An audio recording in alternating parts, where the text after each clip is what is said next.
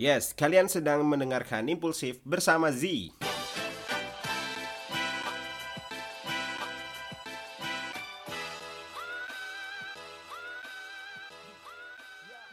Oke, kembali lagi di Impulsif dan hari ini gua udah kedatangan teman gua nih, Iksan Pradana. Halo sih.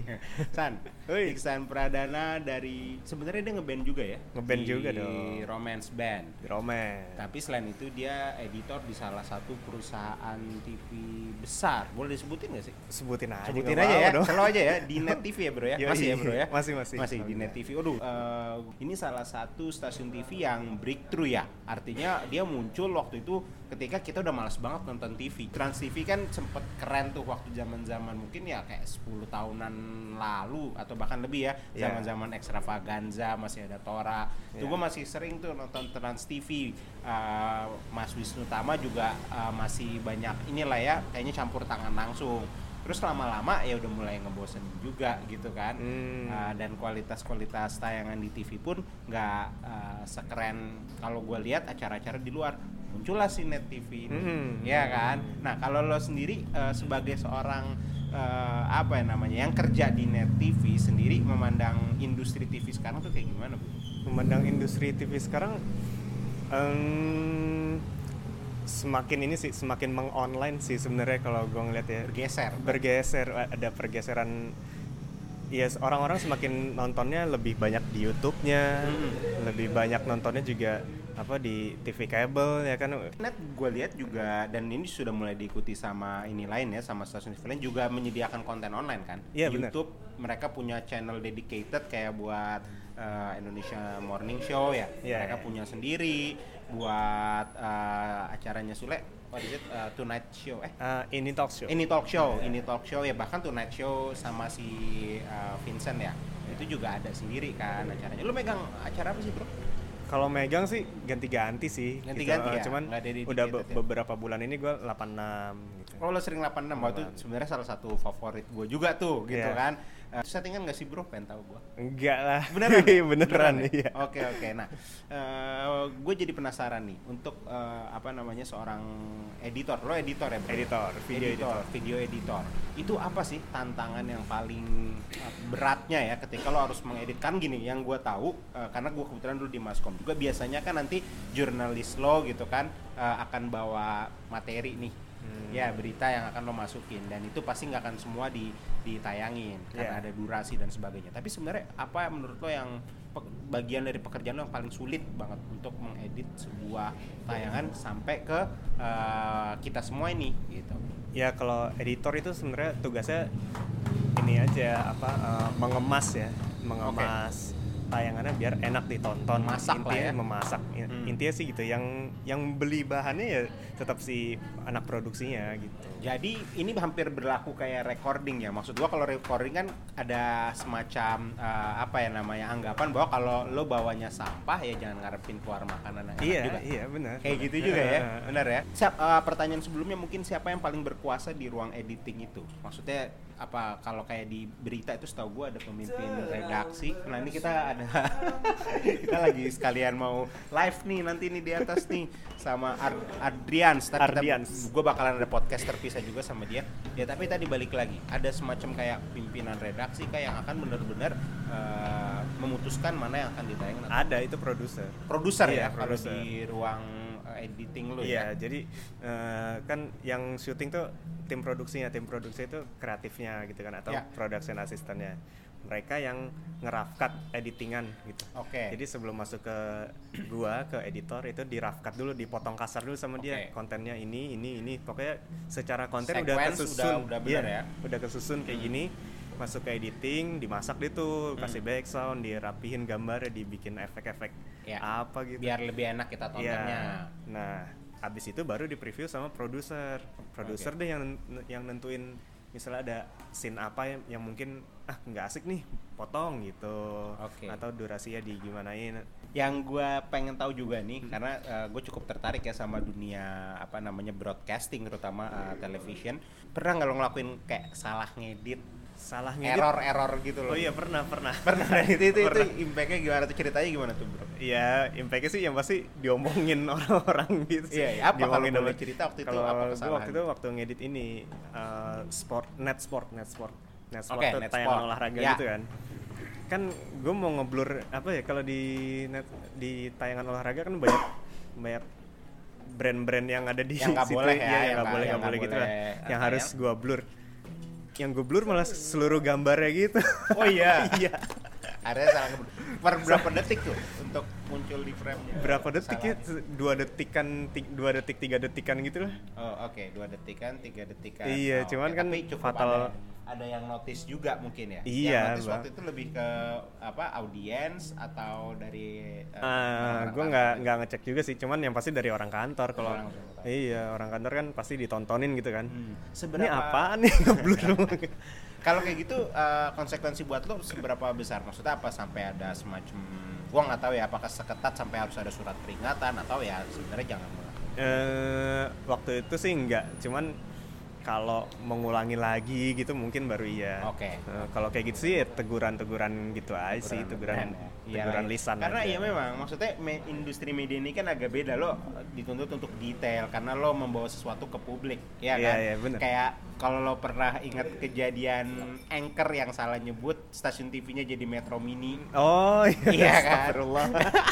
benar ya Iya. terus ada ada yang kata-kata yang bahkan mungkin yang kurang bagus gitu Ah. ditampilin maksudnya itu kan Ah. itu kan cukup fatal maksud gua berarti agak ngeri-ngeri sedap juga karena Iya, gini, bener. kadang-kadang kita kan suka nggak mikirin apa yang terjadi sampai eh, itu muncul di di layar lu ya Iya, kan? iya. ada proses yang begitu lama lu sendiri kalau bisa ngedit satu tayangan itu bisa eh, berapa lama yang eh, yang lo butuhkan berapa jam kerja itu tergantung eh, kayak gimana tayangannya kalau 86 kan biasanya tuh dibagi apa ya per per VT ya per Oke. VT dalam satu kali episode itu kan ini buat pendengar gua VT itu adalah eh, eh, satu video video, Video satu ya, video oke. gitu Sat- mm, misalnya sekali tayang tuh 30 menit nah itu biasanya kan 30 menit itu isinya ada bermacam-macam VT oke dari uh, satu Potongan- VT potongan ya. potongan-potongan VT dari se- satu VT itu bisa misalnya lima menit ya berarti kan akan tersusun dari beberapa VT sampai jadi satu tayangan 30 menit gitu kan. Nah, itu kita ngeditnya berapa lama ya tergantung kita dapatnya jat- dapatnya berapa VT gitu. Oke Oh, oke. oke, Misalnya oke. dapat taya- dapat materi VT yang 10 menit yaitu ngeditnya mungkin satu shift atau setengah shift satu gitu. shift kurang lebih Sat- eh, 8 delapan jam, lah. Heeh. 8 jam kerja ya. Iya. Oke. Nah, eh, berarti ada apa ya namanya ya? Ada rutin juga setiap hari. Pasti selalu Iya, ada iya, iya. ada ada yang lo edit kan. Pasti ada, pasti ada. Oke. Capek nggak sih bro kerja sebagai seorang editor apalagi yang memang eh, programnya cukup banyak seperti Net TV ini. capek sih nggak nggak juga sih Udah mulai dapat temponya mungkin. iya ka- Karena kan yang gue denger nih eh, di beberapa stasiun TV lain ya, ini Mm. yang lebih gue sering denger sih di stasiun TV lain itu sampai tipes-tipes. Oh, iya, gitu-gitu. iya. Apa apa karena mungkin posisinya juga mungkin kalau untuk tim kreatif memang memang lebih lebih rigid tapi iya Kan kalau Eh, kalau di editor alhamdulillahnya kalau di editor di net itu dibatasin satu orang tuh porsi kerjanya ya 8 jam dalam sehari gitu itu satu shift gitu Hmm, nah jadi editor tuh nggak akan lebih dari satu shift enaknya sih gitu oke oke. Nah, kece- kalau yang di bagian lain kayak di produksi pro- eh, apa namanya ke- anak kreatifnya atau yang syuting-syuting itu bisa lebih dari 8 jam. Mungkin mereka yang akan lebih banyak kena tipes sih daripada editor Iya, ya. iya, Kalau iya. editor Tapi- enggak sih aman.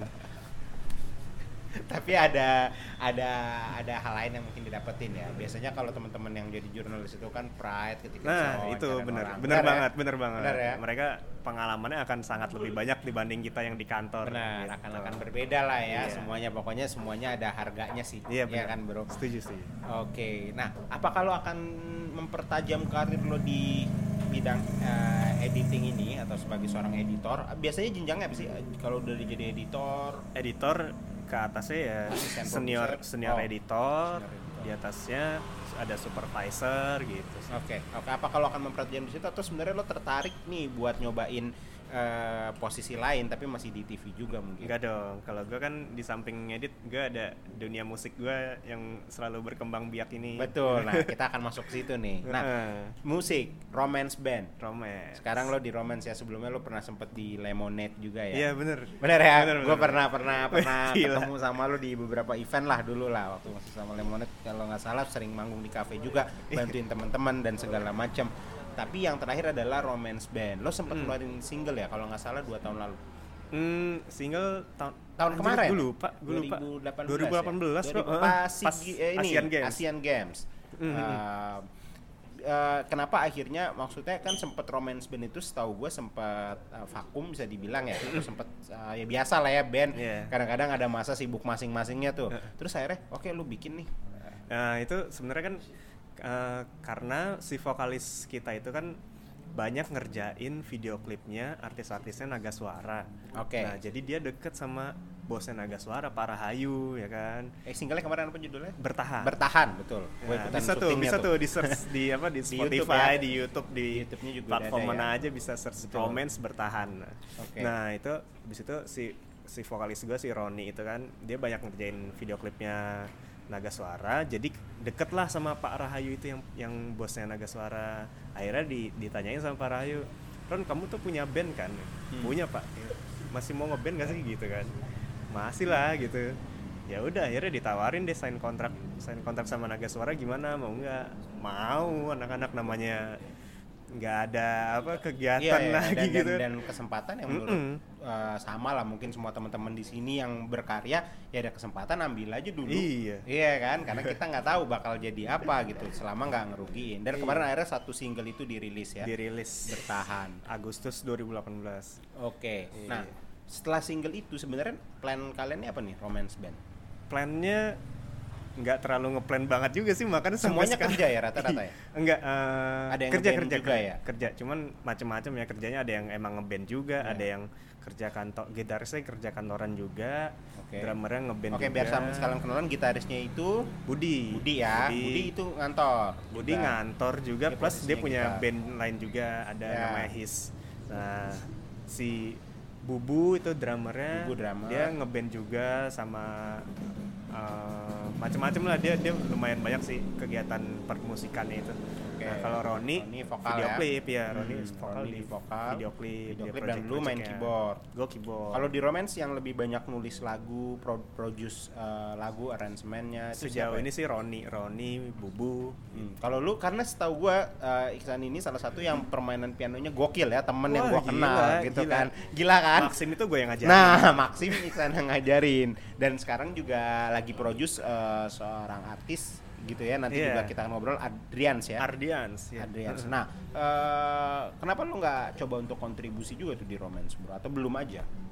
Oh, kalau romance eh n- ya namanya band kan nyatuin dua kepala aja susah ya. Benar. Gimana nyatuin banyak kepala gitu su- lebih susah sih.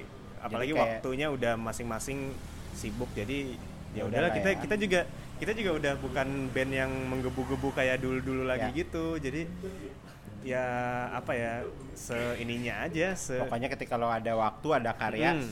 hajar gitu Iya. kan tapi tetap lo punya hal lain buat dilakukan Iya. gitu-gitu ya tapi bagaimana eh, optimisme lo ya kayak kan kita punya teman-teman banyak musisi nih kayak ada kemarin gua ngobrol sama Chandra sempet di podcast gua gitu kan dia selalu bilang ya hajar aja dulu sih dan dia juga salah satu yang gue liat konsisten untuk eh, apa namanya mengejar karirnya di musik kalau lo sendiri memandang eh, apa ya berkarya ini lebih ke arah apa gitu apakah memang ya udah gue berkarya ini sebagai eh, sarana gue melepaskan keresahan hasrat dan segala macam atau memang lu punya eh, achievement sendiri yang mau lo capai di musik punya achievement pribadi atau achievement punya sih cuman kan susah ya namanya di musik tuh gila-gilaan kan berdarahnya Ya. jadi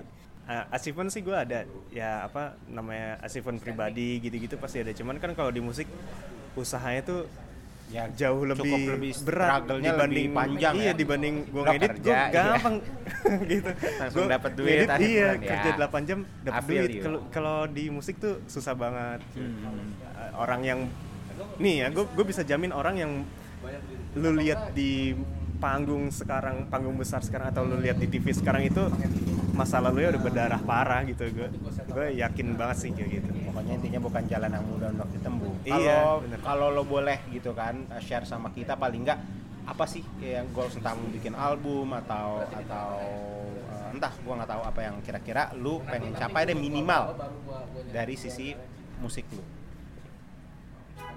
Ami Awards AMI Awards. Bebas, iya kan? Lo punya mimpi bebas, lo boleh Iya, iya. boleh apa aja. Oke, AMI Awards ya. Siapa tahu dari obrolan kita ada yang malaikat yang lewat aminin ya kan? Amin. Jadi, Amin. oke. Nah, eh, tapi apakah menurut lo pekerjaan lo sebagai seorang editor ini atau di stasiun TV minimal menunjang lo nggak sih dalam berkarya? menunjang sih Oke. Se- soalnya delapan kerja 8 jamnya itu sih yang bikin gue bikin gue jadi masih punya banyak waktu buat di dunia musik gitu Oke. jadi gue nggak nggak cuma kerja kerja pulang tidur gitu doang gue Dan- masih banyak waktu buat ngerjain yang lain juga itu enak banget gue ada impact langsung nggak misalkan kayak contoh tadi si Roni vokalis lo kan dia karena dia kerja Hmm. bikin video klip jadi dia punya link kalau lo sendiri ada networking yang terbangun kah? ada ada banget kan gue jadi additional di perahu kertas juga ya gue pernah eh, pernah sekali lah Mm. gue gue pernah bawa perahu kertas buat main di acara pagi-pagi gitu. Iya, Oh, pagi-pagi net TV ya, pagi-pagi benar, net. benar, benar. Ya, Oh, iya, itu walaupun salah baru satunya. sekali itu doang ya, Ya, tapi lumayan ya lah lumayan. iya. bener bener bener maksudnya ya itu kesempatan ya lo tau lah band di Jakarta aja ada berapa ribu Iya. belum tentu semuanya Iya. masuk di pagi-pagi net itu itu itu bener banget kalau menurut lo sendiri lebih eh, baik ke- kalau umur umur segini nih teman-teman ini nih kan gua nih Segini banyak semana nih sekita apa se- siapa nih sekita deh Sekita. sekita. ya sekita gini ukurannya adalah yang sudah punya prioritas lain lo Oh, oh, denger kan iya, lo mau benar. merit kan iya amin Insya Allah ya, amin. insya Allah dalam waktu dekat. Gue udah married Chandra, kemarin udah married. Tem- Jadi podcast gue ini kebanyakan nih harusnya yang dengar, walaupun banyak juga yang uh, belum married, tapi pas paling nggak mereka nantinya suatu saat akan married. Tik, apakah berkarya itu akan berhenti ketika married atau sebenarnya ini bisa manage dari pandangan lo gimana? Enggak. Em, keluarga tetap yang ha- harus yang paling Pertama. utama. Oke. Eh, Cuman apa ya m- mimpi-mimpi itu jangan sampai pudar sih kalau gue sih gitu. Oke. Soalnya Harus begitu enggak ya. kita tuh cuma butuh satu kali gong gitu buat buat ngeledakin itu udah gitu aja. Oke. Yang penting konsistennya apa berkaryanya konsisten terus gitu. Mudah-mudahan Oke. Satu band yang mempengaruhi lo, Wa- walaupun kayaknya gue tahu nih. satu band yang mempengaruhi gue. Heeh. dalam berbagai aspek ya mungkin terutama musiknya ya. Kalau band yang gue suka banget sih Coldplay. Iya, Cuma bener. kalau iya kalau kan tahu kita sebenarnya Terus kalau yang mempengaruhi gua itu Queen sih. Queen Queen. oke kalau Iya. Coldplay gue tahu karena Iksan ini Coldplay banget lah kemarin Iya. sampai nonton konser yang di Nonton. Thailand ya lu ya? Secara pendengar gua Coldplay. Oke. Tapi secara produksi gua Queen. oke Oh, secara produksi Queen jadi Gitu. Iya. musik musik lu banyak dipengaruhi oleh Queen Bukan eh, ini apa ya? Pemahaman gua. oke Jadi- eh, semangat bermusiknya Iya, mungkin ya gitu, itu dari gitu. Queen kenapa Queen Karena dari kecil gue didengerinnya Queen sama bokap. hmm Terus ya ya udah gua apa ya mempelajari dia aja sih dari dari awal gitu sih. Oke. Apa yang bisa lo ambil atau apa sih prinsipnya? Entah gua nggak tahu. Ini Queen ini semuanya atau cuma misalkan kayak uh, Freddy doang atau Lebih ke Freddy sih. Freddy ya. Iya. Oke. Jadi apa yang bisa lo ambil nih dari si Freddy yang akhirnya mempengaruhi gerak-gerik lo sekarang ini dalam berkarya? Totalitasnya itu sih. Totalitas Iya. ya. Lo, Dengan semua lo keadaan. harus total mau apapun project lo sekecil apapun lo harus total gitu. Hmm. Walaupun lo jadi semut ya lo harus jadi semut yang paling pedes gigit, Gigit orang ya. ya. Wow, that's inspiring. Oke, San, kayaknya udah hampir kurang lebih setengah jam nggak berasa Wih. loh kita ngobrol-ngobrol. Lumayan ya. Iya kan? Eh, thank you banget. Jadi eh, semoga temen-temen yang denger juga bisa terinspirasi nih. Kita ngobrolin tadi mulai dari soal TV sampai tetap ya soal ngeband tetap kita bahas. Thank you, Yoi. eh, sukses terus Thank you, buat Zi. karir lo ke depan. Mudah-mudahan jadi itu dapat AMI Awards-nya. Amin amin. Oke, itu aja untuk impulsif bersama Zi hari ini. Sampai ketemu lagi di episode berikutnya.